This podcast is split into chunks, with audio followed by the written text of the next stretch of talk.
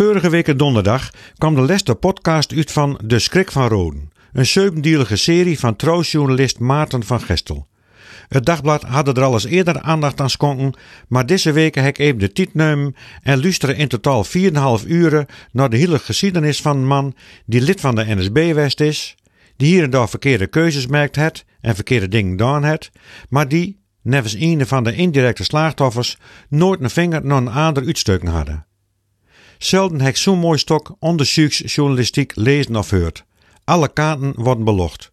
De serie begon en sluit af met een interview met Jack Kooistra, die Old Nazi-jäger noemd wordt. En in de tussenliggende deelden kwamen vooral mensen aan het woord die niet zelfs de oorlog metmerkt hadden, maar die al, de verhalen die verteld worden, een bepaald beeld van de NSB'er kregen hadden en hem op grond daarvan de schrik van Roden noemden. Een andere had het zelfs over de beul van Roden. In het voorlaatste deel is de man zelfs aan het woord. Hij is onderwiels 102 jaar, maar kan nog helder vertellen over wat hem bewogen hadden om destijds lid van de NSB te worden. Ook zegt hij tot geleuven komen te wezen en zijn zonen beleden te hebben.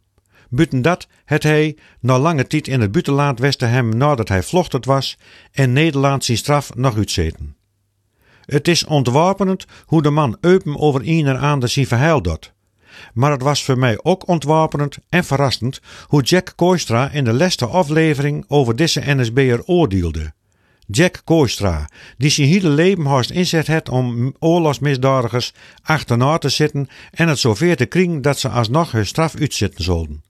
Die Jack Kooistra gaf nou aan een stok minder strak worden te wezen. Het is niet allemaal zo zwart-wit, zo zei hij. Hij had niet zo lang geleden in een toespraak eens verteld dat bepaalde aspecten van de NSB niet eens zo verkeerd werden. Reinheid, eerlijkheid, vriendelijkheid, arme mensen helpen en wat. Kijk, wat fout is, moet als fout benoemd worden. Maar Kooistra heeft geen priemende vingers meer en is niet meer herdregend. Die podcast van 4,5 uur is erg de moeite van het beluisteren weert. Maar hou er dan alle rekening met dat je beeld over NSB'ers en zeker het beeld over mensen als de NSB'er in kwestie erg bijsteld worden zal. Tenminste, als je openstaan voor het hielen en het echte verhaal. Het wordt tijd dat we het wiezen met vingers eens achter ons laten, zeker als mensen hun straf uitzeten hebben. Dan zijn er niet veel mensen meer die als zo noemde oorlogsmisdadigers van de Tweede Wereldoorlog nog in leven binnen. Waarschijnlijk is deze 102-jarige de leste. Laat ik het daarom wat breder trekken.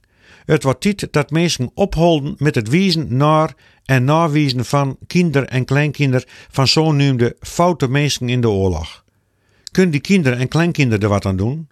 En ben we er zelfs zo wist van dat we op zo'n jonge leeftijd een andere keuze maakt hebben zullen als die heiten en pakers van de mensen die nawezen worden? Ik pleit ervoor dat we niet meer naar dat verleden weer maar dat we in deze tijd juist omdenken hebben voor mensen die fout ben na de oorlog. Of beter zegt, die no fout ben. Fout bij mensen die andere mensen bedriegen, met woord of gebaar, met fakkels of dreigbrieven. Fout bij mensen die rebellies koppen om hun agressie van hun af te razen en daar de coronamaatregels maar als aanleiding vernemen. Fout ben de politici die de mensen in Groningen in lange rijden bij een gemeentehuis staan laten om er recht op 10.000 euro te halen, wil zo duidelijk is dat, zo het nou ligt, 40% naar dat geld fluiten kan. Fout ben nevens mij de politici die, met oogkleppen voor, al niet maar ogen hebben voor het tal mensen in de ziekenhuizen, ze er door de lockdown met het sluiten van scholen, horeca en de winkels, veel mensen over de klingjacht worden en de kinderen van nou de psychiatrische patiënten van straks dreigen te worden. Ho, nee, wacht even. We moeten niet alleen naar anderen wijzen die fout wezen zullen. Laten we ook eens bij onszelf te raden gaan. Waar ben ik misschien wel zelfs fout en kan ik zelfs mijn leven beteren?